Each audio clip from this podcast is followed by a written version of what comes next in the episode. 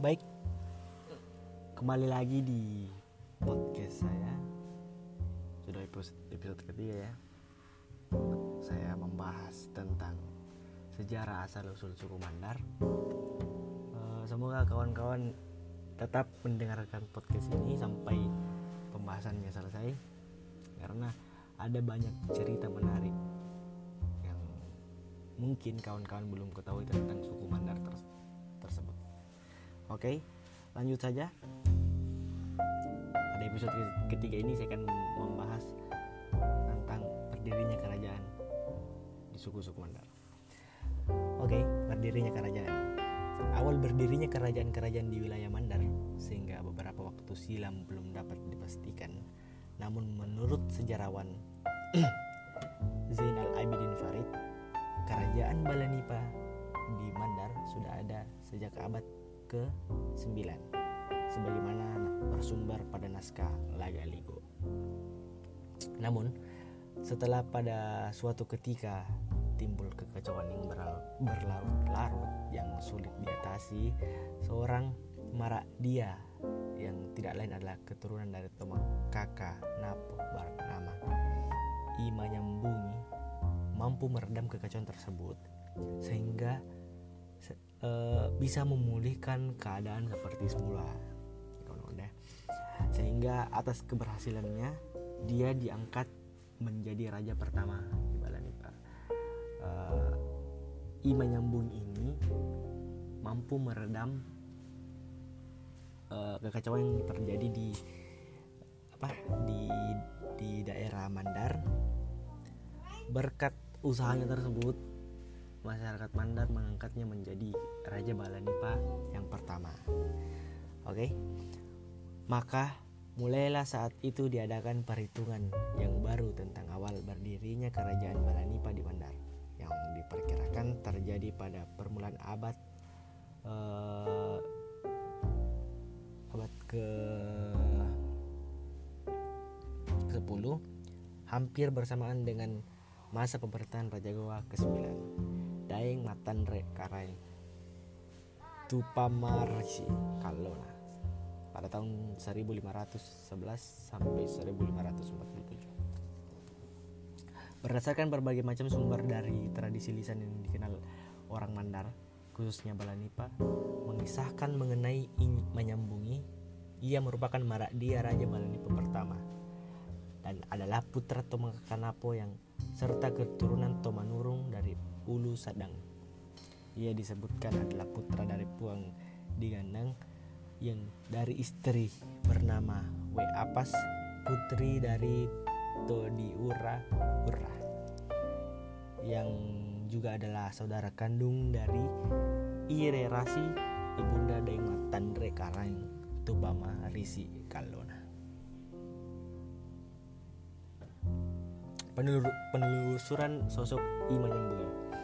Menurut Sumedi, tradisi lisan yang banyak beragam tentang Ima Nyambungi tersebut sesungguhnya sebagai bentuk pernyataan dan penggambaran kekaguman terhadap peran yang dikaitkan dengan kepribadian serta keberadaannya di Balanipa.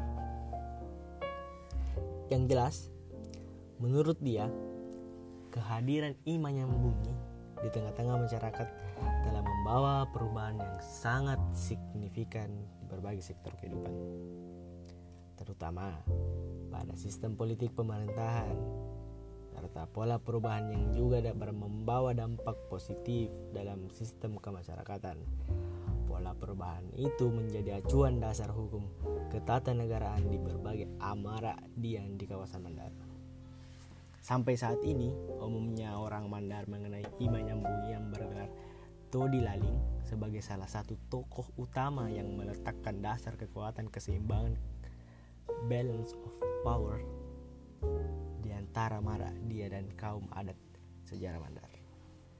Namun, menurut Jamaluddin Aziz Parama Denjaga, budayawan keturunan anggota Bate Salapang Goa yang pernah meneliti Mandar selama 12 tahun lamanya, mengatakan Ima Nyambungi itu bukan orang, bukan orang yang sebenarnya bagi Sangkoto. Bu, maksud saya bukan nama yang sebenarnya bagi sang tokoh, melainkan uh, melainkan nama pemberian ketika ia merantau ke Goa dan diangkat sebagai keluarga kerajaan, kemudian memperistri Kareng Surya I Sorai, putri dari Kareng Sandrobone yang juga adalah cucu dari Raja Goa. Arti nama Ima nyambungi itu, tersen, itu sendiri dalam bahasa Makassar adalah menyambung yang maksudnya menyambung hubungan kekerabatan orang Makassar dan orang Mandar itu sendiri.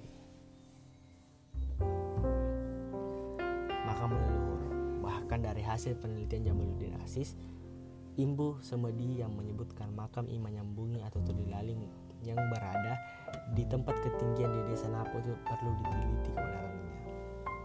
Mengingat ketika Jamaluddin bersama seorang profesor ahli dan kepurbakalaan asal Yogyakarta melakukan penelitian, tidak ditemukan tanda-tanda semacamnya yang dapat menjadikan bukti bahwa di tempat itu pernah dimakamkan seorang raja bernama I Manyambungi. Berikut 14 dayang-dayang yang setia terdiri dari tujuh pria dan tujuh wanita. Perlu dilakukan penelitian lebih seksama tentang makam tersebut. Benarkah makam itu dilaling? Apalagi berdasarkan keterangan beberapa saksi yang ditemui ketika melakukan penelitian, diperoleh penjelasan bahwa sekitar 50 tahun 50-an makam itu pernah digali oleh gerombolan DITII dengan, dengan harapan bisa mendapatkan emas atau benda berharga lainnya milik, milik kerajaan atas Sumedi mengutip Jamaluddin. Oke, kawan-kawan, uh, sekian dulu dari episode ketiga kali ini. Tetap stay tune. Saya akan membahas tentang sejarah asal usul uh, suku Mandar di episode-episode selanjutnya. Tune terus.